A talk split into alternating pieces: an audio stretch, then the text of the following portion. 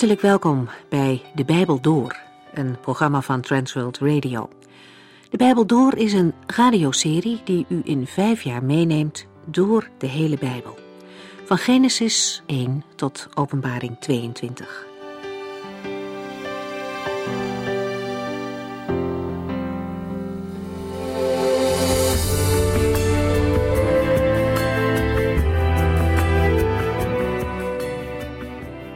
We zijn in deze serie toe aan de psalmen. De vorige keer hebben we vooral naar het boek in zijn geheel gekeken. Ik haal daar nog even een paar puntjes van aan en dan beginnen we met psalm 1. Wanneer u de inleiding nog in zijn geheel wilt luisteren, verwijs ik u naar onze website transworldradio.nl en daar kunt u ook de laatste uitzendingen van de Bijbel door downloaden. De 150 psalmen zijn ontstaan in verschillende eeuwen en uiteraard dus ook door verschillende mensen geschreven. Het boek is onderverdeeld eigenlijk in vijf bundels. Tot in de tijd van de ballingschap werden in Israël psalmen geschreven en gezongen. De meeste psalmen zijn echter al eerder gemaakt door David. Hij heeft verreweg de meeste psalmen gedicht in de Bijbel. Zijn zoon Salomo werd ook een psalmschrijver. Hij maakte er meer dan duizend. En toch zijn er maar twee daarvan in de Bijbel terechtgekomen. In heel oude handschriften heeft het boek geen titel. Het tweede deel van de psalmen eindigt met de woorden dat de gebeden van David ten einde zijn. Daar worden de psalmen dus als gebeden gezien. In de rabbijnse traditie wordt het wel het boek van de lofprijzing genoemd. Het woord psalmen komt ook in het Griekse werkwoord psalo, dat zingen onder begeleiding van een harp betekent. Hoewel de psalmen vaak als een verzameling afzonderlijke liederen worden gezien, zijn er ook zeker een aantal die bij elkaar horen en bij elkaar geplaatst zijn. De vorige keer hebben we stilgestaan bij verschillende argumenten die wijzen op een ordening in het boek van de psalmen. Voor we gaan inzoomen op de eerste psalm, nog één punt dat de moeite waard is om tijdens deze studies vast te houden. De psalmen geven een dieper inzicht op de Heer Jezus. Juist in dit boek lezen we wat er in hem omging toen hij aan het kruis hing. En daar komen we ongetwijfeld nog op terug. Maar we beginnen eerst met Psalm 1.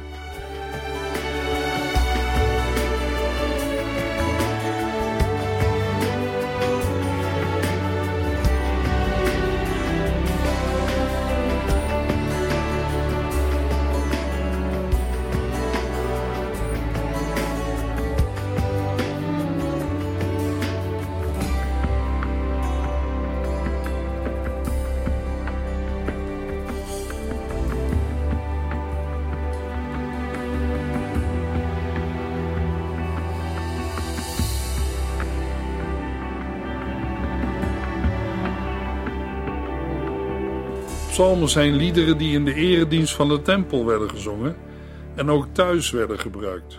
Sommige verwijzen naar die eredienst, andere gaan over persoonlijke ervaring en geloofsbeleving. Het Bijbelboek Psalmen laat zien hoe gelovigen door de eeuwen heen met de Here hebben geleefd. Verdriet en vreugde, woede en kalmte, twijfel en geloof, berouw en lofprijzing klinken in de psalmen door. Op verschillende plaatsen wordt Gods Messias geschilderd in zijn lijden en heerlijkheid. En die plaatsen worden in het Nieuwe Testament betrokken op de Heer Jezus Christus. Het Bijbelboek Psalmen leert vooral dat de Heer voor al zijn kinderen zorgt. Wie op hem een beroep doet, ervaart dat hij bereid is te helpen en kracht geeft om verder te leven. Ook laat het Bijbelboek duidelijk de grote macht van de Heer zien omdat God alles in handen heeft, kan hij iedereen helpen die hem daarom vraagt. Ten slotte wordt duidelijk dat de mens met zijn blijdschap, dankbaarheid en lofprijzing, maar ook met zijn boosheid, klachten en vragen, altijd bij de Heere terecht kan. Psalm 1 is opgebouwd uit vergelijkingen van steeds twee versen. De versen gaan over de levensstijl, de consequenties en de goddelijke beoordeling van de wegen van de gelukkige en slechte mensen, van rechtvaardigen en goddelozen. In vers 1 en 2 is het thema verbondenheid. In vers 3 en 4 kenmerkende vruchten. En de uiteindelijke consequenties in vers 5 en 6. Een andere benadering is om te letten op de verdeling van de zinnen, die gaan over de gelukkige mens en de slechte mens, de goddeloze. De laatste zin van de psalm vat de eerdere beschrijvingen kernachtig samen. Psalm 1 kan getypeerd worden als een aansporing om de goede weg te bewandelen. Dit gebeurt door het gebruik van positieve en negatieve omschrijvingen. Psalm 1, vers 1. Gelukkig is de mens die in de wandeling niet luistert naar de raad van slechte mensen, die niet blijft stilstaan op de weg van de zondaars en vermijdt te zitten bij hen die met God spotten. Psalm 1 opent met waar het Bijbelboek Genesis mee begint. Met de mens die door de Heer is geschapen om te kunnen heersen over alle dieren op aarde. Vers 1 spreekt over de gelukkige, de gezegende mens. Het staat in tegenstelling met de slechte mensen die met God spotten. In vers 1 wordt verteld wat een gelukkig en gezegend mens niet doet. In de bergreden gebruikt de Heer Jezus hetzelfde woord voor zijn zaligsprekingen. Het tegenovergestelde is het wee u. Met andere woorden, ik waarschuw u. Dat voor de goddeloze en slechte mensen geldt. De positieve uitspraak betreft de mens. Dat staat niet voor één individueel persoon, bijvoorbeeld een man, maar voor zijn hele gezin. Daarna komen drie omschrijvingen van mensen die zich negatief gedragen: slechte mensen of goddelozen, zondaars en spotters. Het Hebreeuwse woord wat vertaald is met slechte mensen, duidt op mensen die schuldig zijn, namelijk ten aanzien van Gods wet. Het woord kan op verschillende manieren worden vertaald: met goddeloze of slechte of boze mensen, mensen die zonder God leven en die kwaad doen. De zondaars zijn mensen die zonden en overtredingen doen, ook wel omschreven met zij die slecht zijn. Het is mogelijk dat de woorden een opklimming in ernst uitdrukken.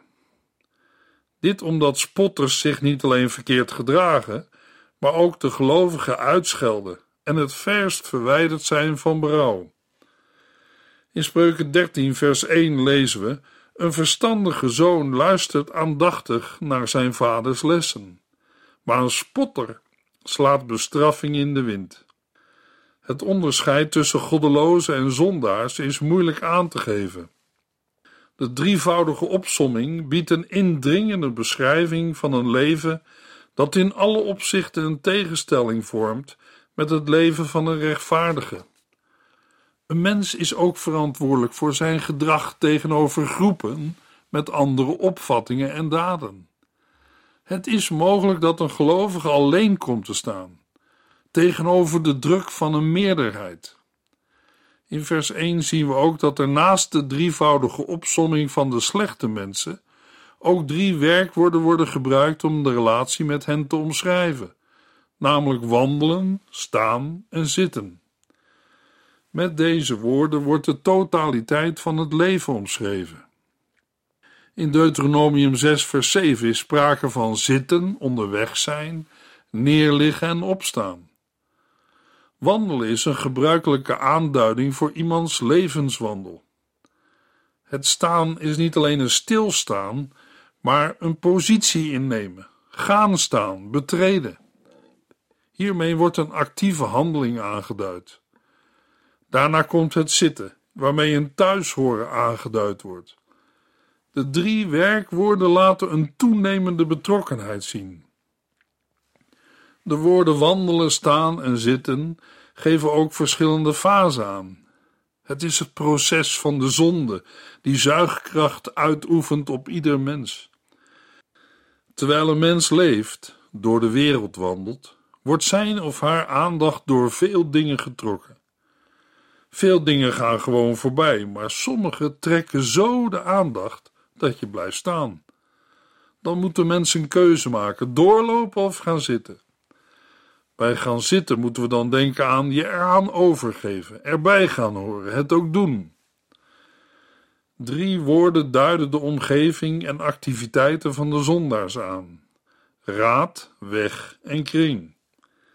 Het woord raad komt vaak voor in het Bijbelboek Spreuken. Daarbij moeten we niet direct denken aan advies, maar eerder aan het meedoen in de handel en wandel of de overleggingen van de goddelozen. Hetzelfde woord komen we tegen in Spreuken 1, vers 10 en 11. Mijn zoon, als zondaars proberen je over te halen, doe dan niet met hem mee. Ook niet als zij zeggen: Kom op, we nemen er een stel te pakken. Wat maakt het uit als zij onschuldig zijn? En in vers 15 en 16: Mijn zoon, trek niet met zulke mensen op. Blijf liever bij hen uit de buurt. Ze hebben weinig goeds in de zin en gebruiken maar al te graag geweld.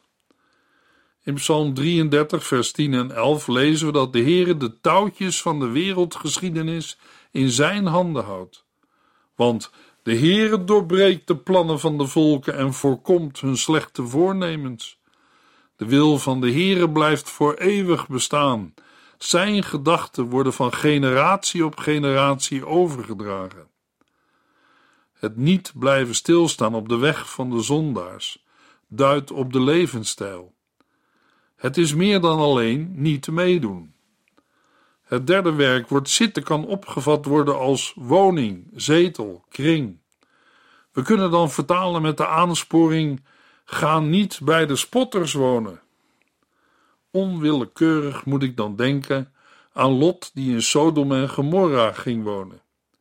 Over hem schrijft Petrus in 2 Petrus 2 vers 8: Lot, een mens met een rechtvaardige ziel, werd gekweld door de uitspattingen en de losbandigheid die hij dagelijks om zich heen zag.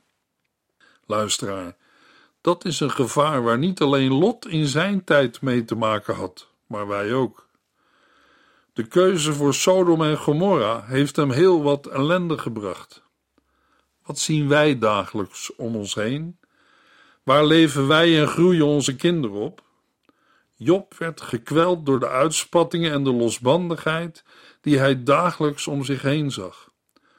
Om het met woorden van Psalm 1 te zeggen: de raad van slechte mensen of de weg van de zondaars en de spotters zijn vaak ook in onze omgeving te vinden.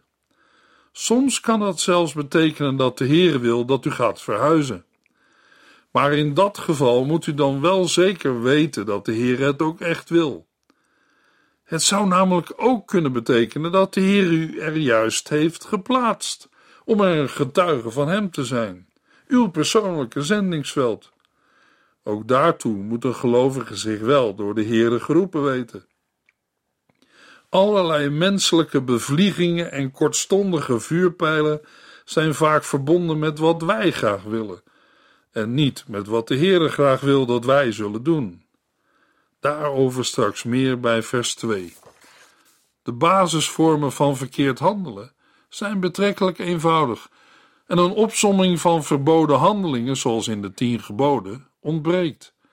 Maar een intensieve omgang met slechte mensen of goddelozen zal onvermijdelijk invloed uitoefenen en leiden tot verkeerd gedrag.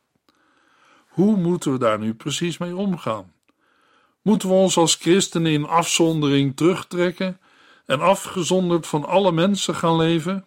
Nee, dat wordt niet bedoeld, want dan kunnen we ook niet meer evangeliseren. Het gaat om wat Johannes schrijft in 1 Johannes 2, vers 15 tot en met 17. Houd niet van de zondige wereld en van wat die te bieden heeft, want als u van de wereld houdt, blijkt daaruit dat u de liefde van de Vader hebt afgewezen. Alles wat van de wereld is, de zondige begeerten, de hebzucht en de hoogmoed, die door macht en bezit ontstaat, is er niet door de Vader, maar door de wereld. Aan de wereld en naar zondige begeerte komt een einde, maar wie doet wat God wil, zal eeuwig blijven leven. Ja, maar zal iemand zeggen, en de Heer Jezus dan? In Lucas 5, vers 30 horen we de Fariseeën en Bijbelgeleerden tegen Jezus' leerlingen zeggen: Onbegrijpelijk dat u met zulk soort mensen aan tafel gaat. Zeker, maar er is een groot verschil. Omdat de heiland de zondaars opzocht en met hen at met een bijzondere bedoeling. Jezus at met hen omdat hij hun redding op het oog had. We lezen in Lucas 5, vers 31 en 32. Toen nam Jezus het woord. Weet u wie een dokter nodig hebben? Zieke mensen, maar gezonde niet. Ik ben gekomen om zondaars uit te nodigen een nieuw leven te beginnen. Niet degene die Gods wil al doen. Het aspect van redding voor de goddelozen komt in de context van Psalm 1 niet naar voren. Psalm 1, vers 2. Integendeel, het is voor hem een vreugde te doen wat de Heere van hem vraagt. Dag en nacht is hij bezig met zijn woord. Na de negatieve omschrijvingen in het eerste vers volgt nu een positieve aanduiding in twee parallelle zinnen met in het Hebreeuws elk het woord Torah. In de vertaling van het boek is in de eerste zin het woord Torah weergegeven met doen wat de Heere vraagt. In de tweede zin is het woord Torah weergegeven met zijn woord. Dat wil niet zeggen dat de vertaling van het boek onjuist is, maar door het woord Torah wordt de uitleg breder. Vanwege de opbouw van het Bijbelboek Psalmen in vijf boeken of bundels ligt het bij het woord Torah voor de hand om dan aan de vijf boeken van Mozes te denken. De Pentatuig, de hele wet van de Heer en alles wat hij in de eerste vijf boeken van Mozes heeft doorgegeven. De vijf boeken van Mozes geven niet alleen de tien geboden, maar geven ook onderwijs door middel van geschiedenissen, voorbeelden en bepalingen.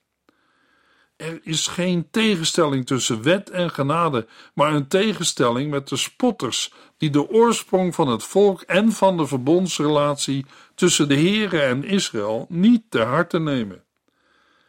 Daarbij komt nog dat in het licht van de hele Bijbel het onderwijs van de Here breder is dan alleen de vijf boeken van Mozes. Laten we vers 2 nog een keer lezen. Integendeel, het is voor hem een vreugde te doen wat de Heere van hem vraagt. Dag en nacht is hij bezig met zijn woord.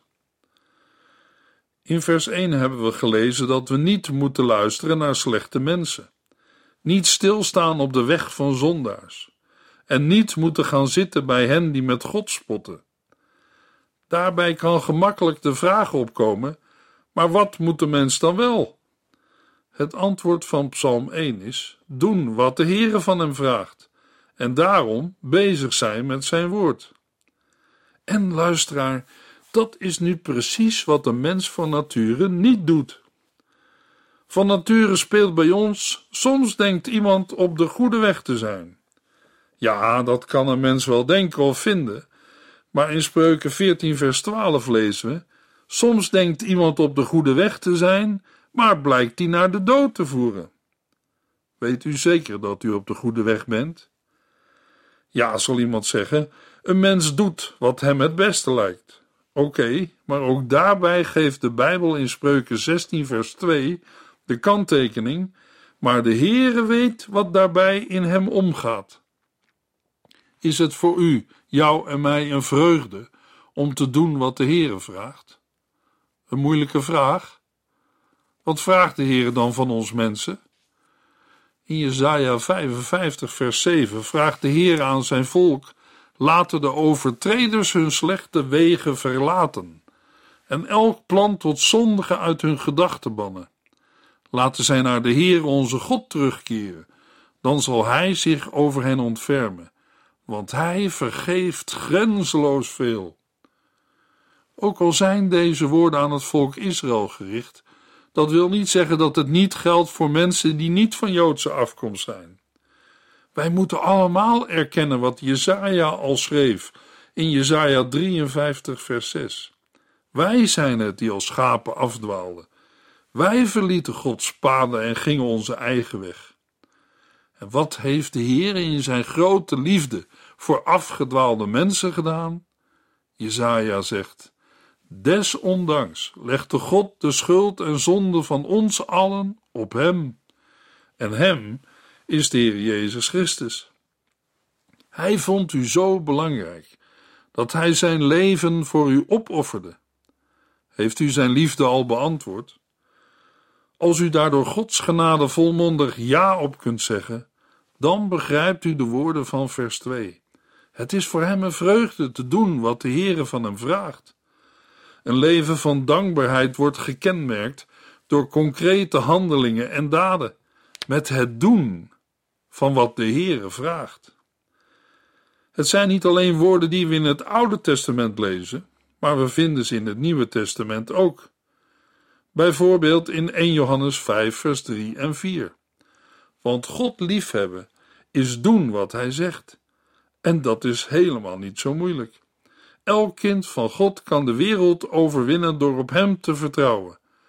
Alleen als wij geloven dat Jezus de Zoon van God is, kunnen wij de wereld overwinnen. In een levende relatie met God is het doen van je eigen zin, los van God, ondenkbaar. In Galaten 5 vers 13 hebben we gelezen: Broeders en zusters, God heeft u niet de vrijheid gegeven om te misbruiken en uw eigen zin te doen, maar om elkaar te dienen in een geest van liefde.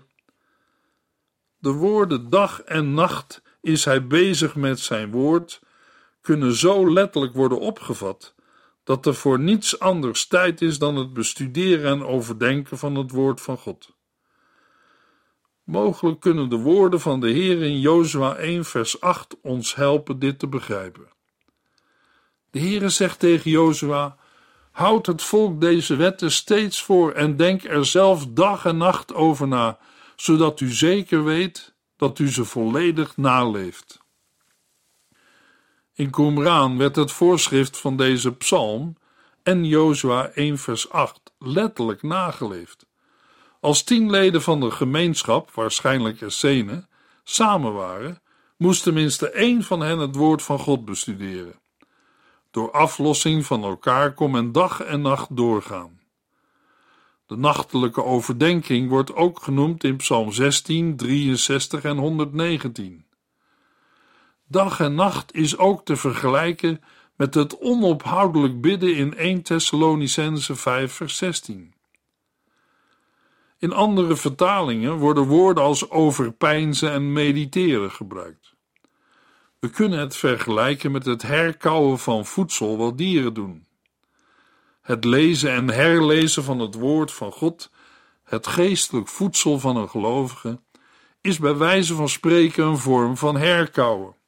Zo kan de betekenis van Gods woorden dieper in ons doordringen en kan een gelovige groeien in geloof. Hij beleeft vreugde aan de Torah. Dat onderwijs verkwikt zijn ziel, verheugt het hart en is zoeter dan honing. Er is veel meer bedoeld dan alleen een intellectueel kennisnemen van de geschiedenis en de inhoud van de wetgeving.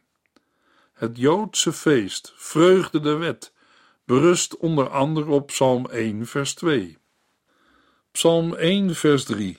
Hij lijkt op een boom die aan de oever van een beek staat. Wanneer het jaargetijde ervoor aanbreekt, draagt hij volop vrucht en zijn bladeren verwelken niet. Alles wat deze mens onderneemt is een succes. Het leven met Gods Torah draagt vrucht.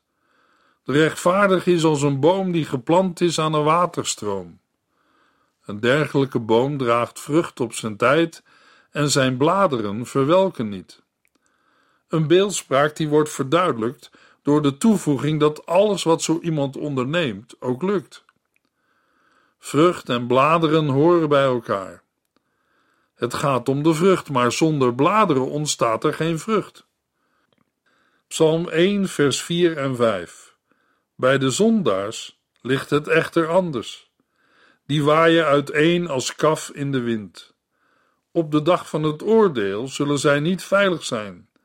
Zij kunnen dan immers niet stand houden te midden van Gods trouwe volgelingen. De eerste woorden geven een flinke tegenstelling aan. Bij de zondaars ligt het echter anders. Dan volgt de metafoor die de goddeloze en zondaars beschrijft. Zij waaien uiteen als kaf in de wind. Als het eerdere beeld van de boom was voortgezet, zouden mogelijk dorre en onvruchtbare struiken in de woestijn zijn vermeld. Maar hier staat als typering van de zondaars en goddelozen dat ze als kaf zijn dat door de wind wordt verstrooid. Kaf is een standaardbeeld voor iets wat waardeloos is en wordt ook als beeld voor de bestemming van de zondaars gebruikt. Psalm 35, vers 5. Het kan ook een beeld zijn voor straf. Een boer scheidt koren en kaf op de dorsvloer door het slaan met een dorsvlegel. Door koren en kaf op te gooien in de lucht vallen de graankorrels naar beneden, maar het kaf wordt weggeblazen door de wind. Evenals in vers 3 wordt een consequentie genoemd die de gebruikte beeldspraak verduidelijkt. De genoemde zondaars houden geen stand in het gericht en ook niet in de vergadering van de rechtvaardigen, Gods trouwe volgelingen. Gezien de parallelie van de woorden gericht en vergadering, is vooral te denken aan een gericht in dit leven. Evenals de rechtvaardigen ervaren ook de goddelozen in dit leven en daarna wat de gevolgen zijn van hun levenshouding. Psalm 1, vers 6. Want de Heere leidt de wegen van zijn volgelingen, terwijl de weg van de goddelozen rechtstreeks naar de afgrond voert. Nadat de twee groepen beschreven zijn, zegt het laatste vers: De Heere kent de weg van de rechtvaardigen en is steeds bij hen, maar de weg van de goddelozen vergaat. In deze laatste regel wordt de Heere vermeld als degene die het lot van beide groepen bepaalt. De voorafgaande loop van het leven is geen toeval of automatisme. Door Gods betrokkenheid bij het leven van mensen zal Hij ervoor zorgen dat mensen een bepaald lot ontvangen. Het laatste woord van de psalm is negatief en dreigend na het positieve begin. Het onderstreept de ernst van de gedane oproep. Laten de lezers en hoorders deze les ter harte nemen. In de volgende uitzending lezen we Psalm 2, vers 1 tot en met 12.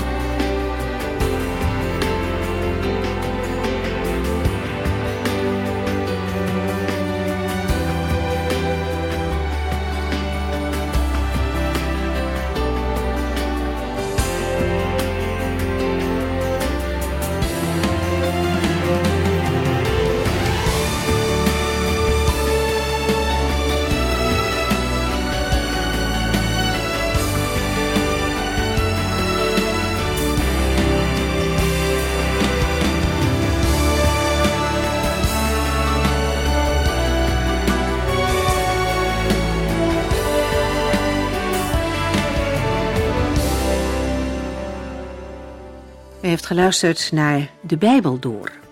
In het Nederlands vertaald en bewerkt door Transworld Radio. Een programma waarin we in vijf jaar tijd de hele Bijbel doorgaan. Als u wilt reageren op deze uitzending of u heeft vragen, dan kunt u contact met ons opnemen. Tijdens kantooruren kunt u bellen op 0342 47 8432. 0342 47 8432. 32. Ook kunt u een e-mail sturen naar de Bijbel door transworldradio.nl en natuurlijk kunt u ook via de post ons bereiken. TWR, postbus 371, postcode 3770, AJ in Barneveld. Dit programma werd gepresenteerd door Cor Weda en Ike André. Techniek was in handen van Odin van Woerdekom. En wij allemaal bedanken u voor het luisteren. Graag tot de volgende keer.